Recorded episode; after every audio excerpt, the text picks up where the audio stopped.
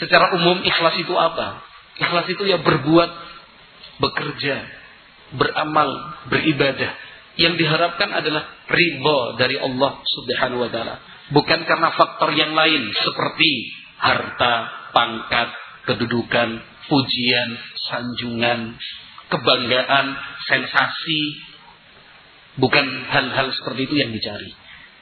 Tapi memang benar-benar lillah untuk Allah Subhanahu wa taala. Segala-galanya kita harus ikhlas berbuat.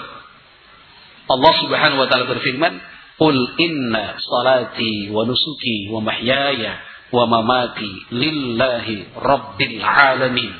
Katakan ya Muhammad sampaikan kepada seluruh umatmu bahwa salatku, sembelihanku, ibadahku, hajiku, hidup dan matiku lillahi rabbil alamin.